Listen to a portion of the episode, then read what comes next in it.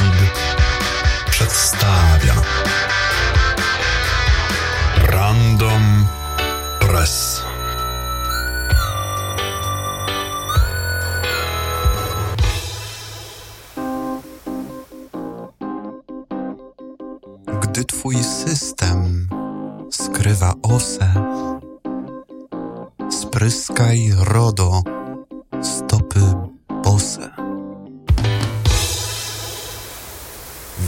kolejnym szybciutkim random pressie o numerze 012, czyli w kolejności 13 już odcinku. A dzisiaj powiemy sobie, co myśli Free Software Foundation Europe o blokadzie urządzeń Huawei przez Google'a, o słuchawkach Bose i szpiegowaniu użytkowników oraz ich preferencji tak naprawdę, zdaniu twórcy rozszerzenia Microblog Origin na temat nowego kształtu interfejsu rozszerzeń przeglądarki Chrome, e, o zaawansowanym backdoorze dla systemów GNU Linux, e, a także luce zabezpieczeń w Mac OS X, a również z naszego podwórka dwie wiadomości. Pierwsza o iluzji ochrony danych osobowych w Polsce, a druga o nadchodzącej konferencji Confidence. Zapraszam. I zaczynamy głosem ze świata free software, czyli wolnego, bądź jak niektórzy wolą, wolno dostępnego oprogramowania. Free Software Foundation, która założona została przez Richarda Stallmana, twórcę projektu GNU w Stanach Zjednoczonych, ma też swoje przedstawicielstwo w Europie, nazywa się Free Software Foundation Europe. Podejmuje czasami głos w kwestiach takich dotyczących wolności w sieci, w szczególności wolności oprogramowania. W ich prasowym kąciku znajdziemy stanowisko w kwestii bana administracji USA E, wymierzonego w produkty Huawei. Przypomnijmy, e, dużej chińskiej korporacji, która zaczyna powoli nam tutaj dominować zachodnie rynki swoimi urządzeniami sieciowymi i telefonicznymi.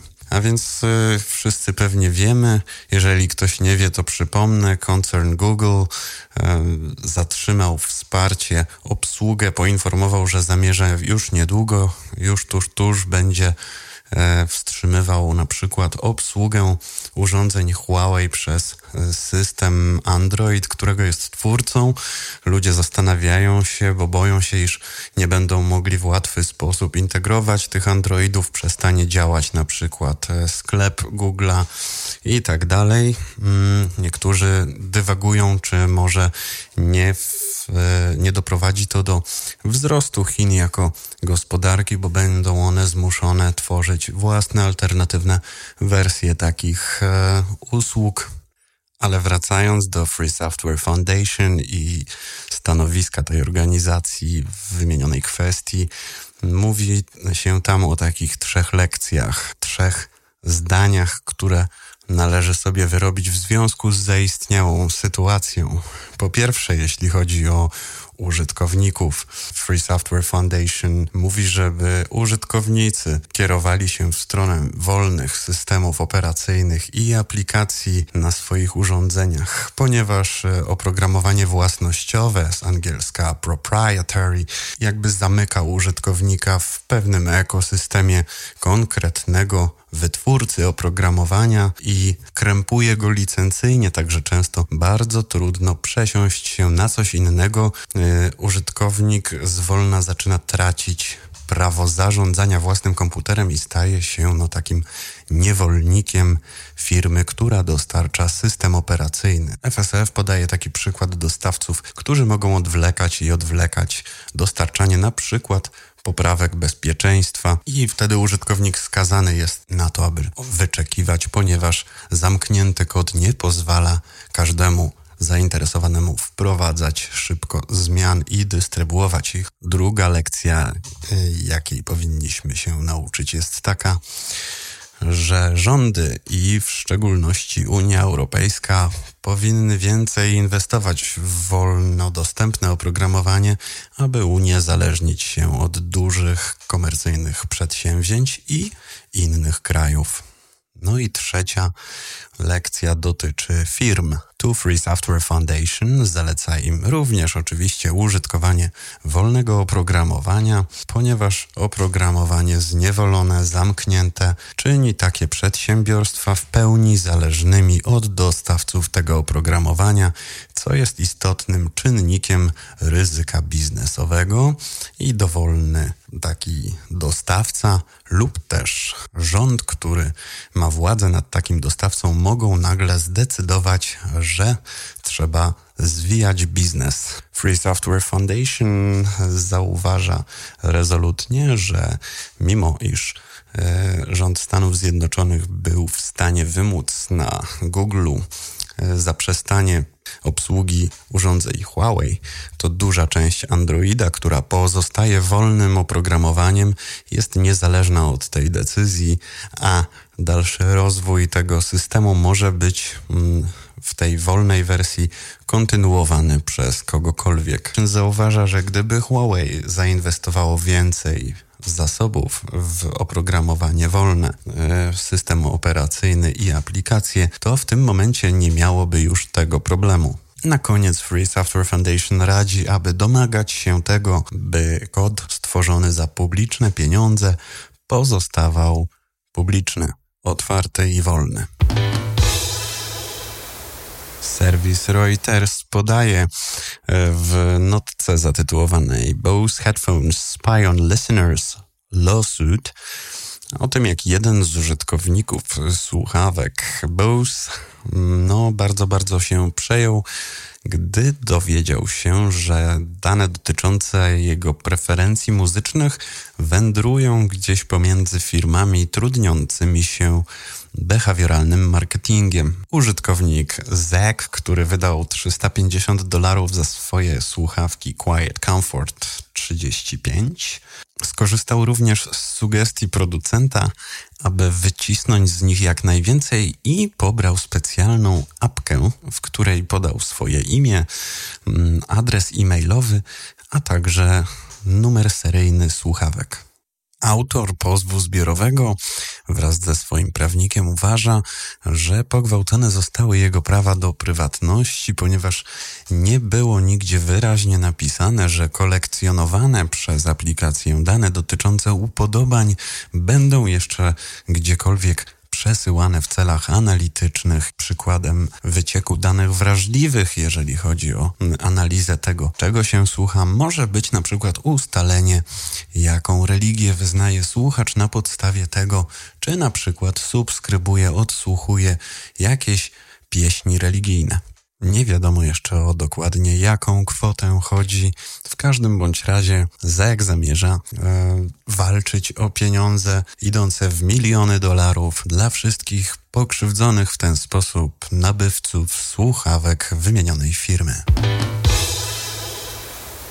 A na GitHubie w dyskusji e, Chrome Extension Manifest version 3 proposal number 338 znajdziemy komentarz e, autora takiego bardzo popularnego rozszerzenia służącego do blokowania nachalnych reklam e, Microblock Origin, w którym ustosunkowuje się on do propozycji Google'a w kwestii uniemożliwienia de facto skutecznego blokowania reklam. Zwraca on uwagę na to, że zdolność do blokowania w Web Request API wciąż jest przestarzała, natomiast same wbudowane mechanizmy e, przeglądarki Chrome mają no, pewną ograniczoną tylko zdolność dopasowywania zasobów, które, którego można by użyć, aby e, niechciane treści blokować.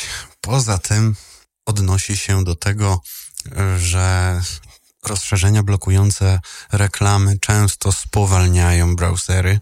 Mówiono, że najczęstszą przyczyną e, powolnego ładowania się czy przetwarzania stron jest po prostu ich no, niedbała konstrukcja, a nie to, że akurat działa w przeglądarce rozszerzenie.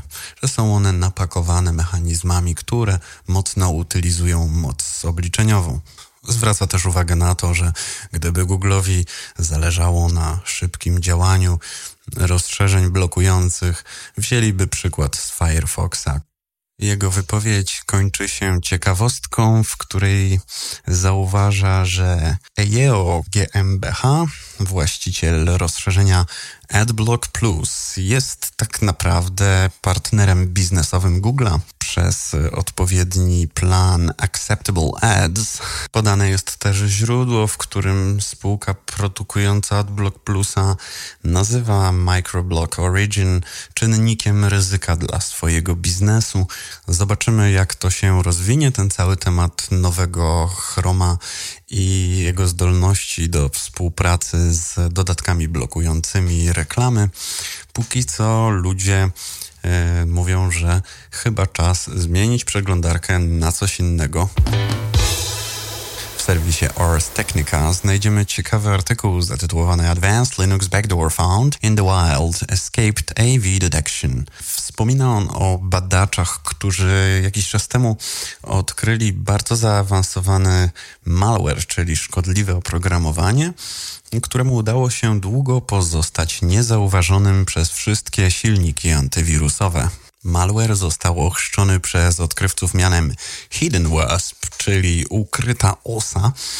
Jest y, w pełni rozwiniętym zestawem, y, który zawiera w sobie rootkita, trojana i skrypt instalacyjny. Przypomnijmy, Trojan to takie oprogramowanie, takie szkodliwe oprogramowanie, które imituje potrzebne, użytkowane na co dzień narzędzia. Z kolei rootkit to mm, mechanizm wbudowany często w wirusy i inne szkodniki, mm, służący temu, aby ukrywać je w systemie przed ciekawskim okiem administratora, operatora, a także skanerów antywirusowych. Badacze zwracają uwagę, że mamy do czynienia z ciekawą tendencją. Ludzie przyzwyczaili się, że e, w takim systemie jak GNU Linux no rzadko mamy do czynienia z wirusami, nie tak, nie tak często, nie są tak popularne jak w e, systemach typu Windows. E, duża zasługa nie tylko samej technologii tutaj jest, ale po prostu popularności tego systemu. Padają takie słowa o tym, że jest to sygnał alarmowy dla całego, dla całej branży, że teraz zacznie się wysyp malware'u na Linuxa. Nie wiem, czy powinniśmy aż tak panikować. Chociaż można się zgodzić z tym, że faktycznie tutaj jest pewna bezwładność, y, mniejsza czujność branży jako całości, jeśli chodzi o nowego rodzaju szkodniki. Podany jest też y, sposób szybkiego przetestowania, czy nasz GNU Linux nie padł ofiarą infekcji. Mianowicie w takim zainfekowanym systemie y, pliki linkera dynamicznego LDSO nie będą w sobie zawierały łańcucha slash etc slash ld.so.preload. I ciekawa wiadomość dla użytkowników Mac OS X. W systemie tym istnieje sobie taki podsystem, taki mechanizm zwany Gatekeeper.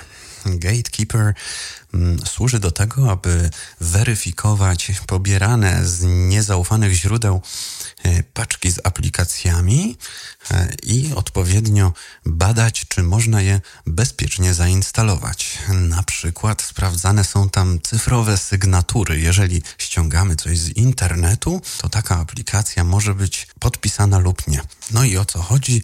E, pewien badacz bezpieczeństwa Filippo Cavallarin znalazł usterkę w tym mechanizmie, która polega na tym, że niektóre lokalizacje uznawane za zaufane wcale takimi nie muszą być. Ale o co chodzi? Gatekeeper rozpoznaje dołączane zewnętrzne napędy dyskowe i lokalne udziały sieciowe jako lokalizacje bezpieczne. Na przykład możemy sobie instalować oprogramowanie z płyt CD, możemy sobie instalować oprogramowanie z naszego lokalnego repozytorium sieciowego. Na przykład administrator w ten sposób może kilkudziesięciu swoim użytkownikom coś udostępnić, aby oni sobie taki pakiet zainstalowali. I w tym momencie gatekeeper się nie wtrąca, traktuje to jako coś pochodzące z zaufanego, no w cudzysłowie, domowego źródła. Ale w kombinacji z innymi cechami tego systemu macOS X zaczyna być ciekawie. Po pierwsze, mamy w, w macOSie X automonta znany e, sposób automatycznego montowania zasobów. E, szczególnie użytkownicy systemów typu Unix będą wiedzieli o co chodzi. Konkretnie mamy tutaj do czynienia z takim wariantem AutoFS. Użytkownik dzięki niemu może doprowadzić do tego, że pewien zasób zostanie dyskowy, zostanie lub udział sieciowy zostanie automatycznie zamontowany i pojawi się jako mm, dostępny e, tylko przez wpisanie jego ścieżki. Na przykład, jeżeli użytkownik Mac OS X e, zechce wylistować zawartości katalogu e, o ścieżce slash net slash nazwa hosta slash nazwa udziału, to Mac OS X używając podsystemu AutoFS automagicznie połączy się do tego zdalnego hosta i spróbuję przeczytać zawartość katalogu używając protokołu NFS. Drugi ciekawy mechanizm w Macach jest taki, że jeżeli mamy tam archiwa zip zawierające od, odwołania symboliczne, odnośniki symboliczne, yy, które wskazują gdziekolwiek, to przy automatycznym wypakowywaniu takich archiwów odnośniki te nie są sprawdzane. A odwołując się teraz do tej pierwszej cechy, mogą one kierować do zdalnych zasobów, jeżeli mają odpowiedni prefiks, na przykład slash, net slash. I co się teraz dzieje? Potencjalny napastnik może e, spreparować takie archiwum zip, wewnątrz którego umieści dowiązanie symboliczne do zdalnego hosta, który pozostaje pod jego kontrolą.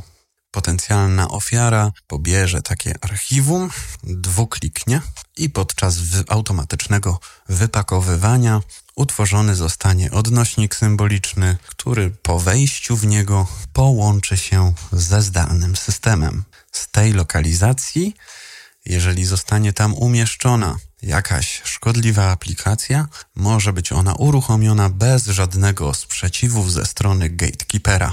Co ciekawe, taką aplikację e, intrus może nazwać w taki sposób, aby wydawała się ona na przykład e, ważnym do odwiedzenia folderem. Odkrywca Luki poinformował producenta pod koniec lutego bieżącego roku i w ostatnim wydaniu e, poprawek do systemu macOS X miały być wprowadzone odpowiednie zmiany chroniące, natomiast z tego co wiadomo, jeszcze takie coś nie nastąpiło. I dwie informacje, nazwijmy to krajowe. Pierwsza dotyczy iluzji ochrony danych osobowych w Polsce. Użytkownik Marko w swoim testowym poletku informuje, że od sierpnia usiłuje ustalić, jak firmy LoanMe i DBMS stwierdziły, że mogą wysyłać na jego numer telefonu SMS-y z reklamami pozabankowych pożyczek. Żadna z nich nie potrafiła przedłożyć zgody. Jedna e, według użytkownika, jedna dostarczyła takie, e, taką zgodę, jednak e, opatrzona była adresem IP operatora, z którego, jak twierdzi autor, nigdy on nie korzystał. Jeśli chodzi o Urząd Komunikacji Elektronicznej, który został e, również poinformowany, to nic to nie przyniosło, natomiast Urząd Ochrony Danych Osobowych od października 2018 roku prowadzi postępowanie, tłumacząc się dużą e, liczbą zgłoszeń. Trzymamy kciuki i będziemy monitorować kwestię. A już w poniedziałek w krakowskim Muzeum Lotnictwa Polskiego rozpocznie się coroczna konferencja Confidence poświęcona cyberbezpieczeństwu. Czekają tam nas nie tylko prelekcje, ale też wykłady i warsztaty dla młodszych osób prowadzone w ramach inicjatywy Confidence Class. Uczestnictwo to będzie nie tylko okazja, żeby pogłębić swoją wiedzę, ale też nawiązać branżowe kontakty czy wziąć udział w konkursach.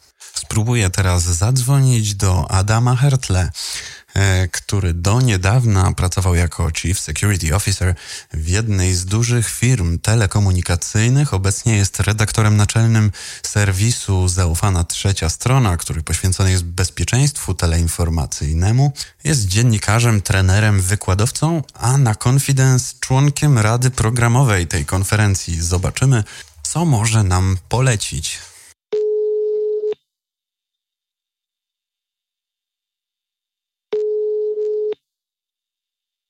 Halo? Halo, halo? Cześć. Cześć. Będziesz na Confidence w tym roku? Tak. A twoje typy? Na co sam chętnie się wybierzesz? Pierwszego dnia zacząłbym od wykładu Michała Purzyńskiego o pisaniu rootkitów i obronie przed rootkitami.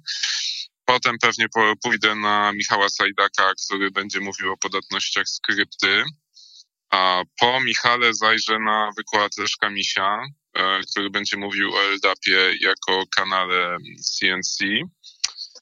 Pewnie warto też zajrzeć na wykład Dominika Rozdziałowskiego o cyberpolicji. Ja go akurat już widziałem, więc się nie wybiorę, ale pewnie kto pójdzie nie pożałuje. Po lunchu, bo oczywiście lunchu elementem obowiązkowym e, Łukasz Stefanko z zagrożeniami dla Androida. Jeżeli ktoś coś wie o zagrożeniach dla Androida, no to właśnie on. A jest dużo wykładów równoczesnych, więc trudno wybierać, ale po nim pewnie Ola Zarusie, Peter Kalnaj i Michał Posłuszny wiedzą, co robią, bo go monitorują. W kolejnej sesji pewnie Paweł Rzepa, atakowanie AWS-a.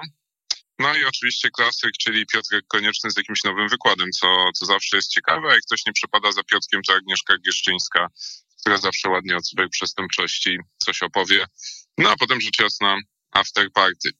Drugiego dnia niestety rano nie mam wyboru i muszę iść na swój wykład o dziewiątej, e, bo głupio gdyby prowadzącego nie było.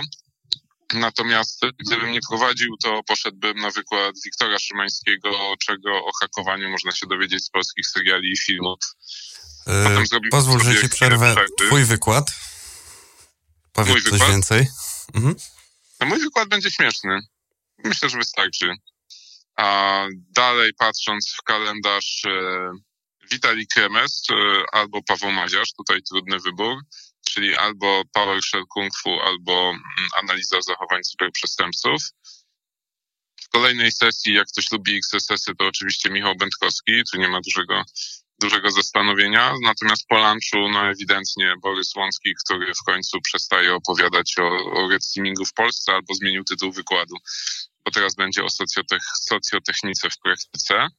Czyli tak A... tak można powiedzieć, Borys idzie w, w stronę mitnika.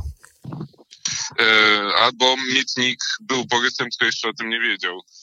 A w kolejnych sesjach patrzę, czy jeszcze mam coś zaznaczone. Potem już tylko o 16 Adam Lange i, i cyberhydraulik w akcji.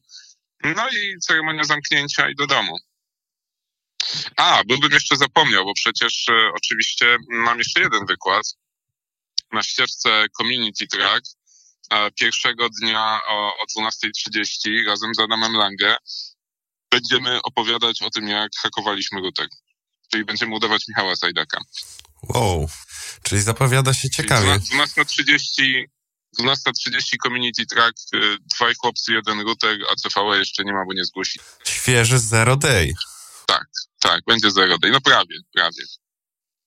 No bo to chyba Old Day, bo w sumie to nie było jakieś wyrafinowane, ale, ale postaram się, żeby było śmieszne. Dzięki i do zobaczenia. No, na razie. To już wszystko w tym odcinku.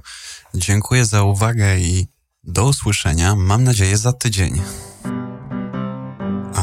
A kastodianem tego odcinka, osobą, która dostarczyła pierwszego newsa, jest Sergiusz P. Random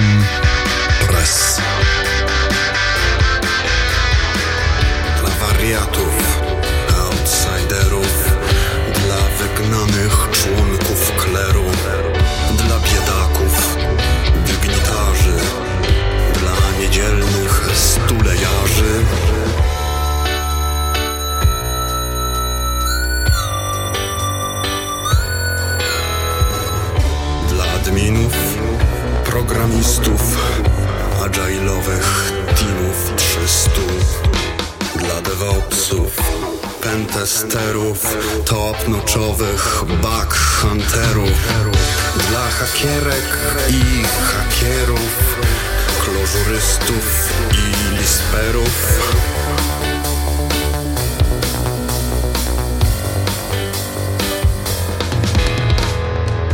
Ćwiczących gdzieś dla masy. Randomowy przegląd prasy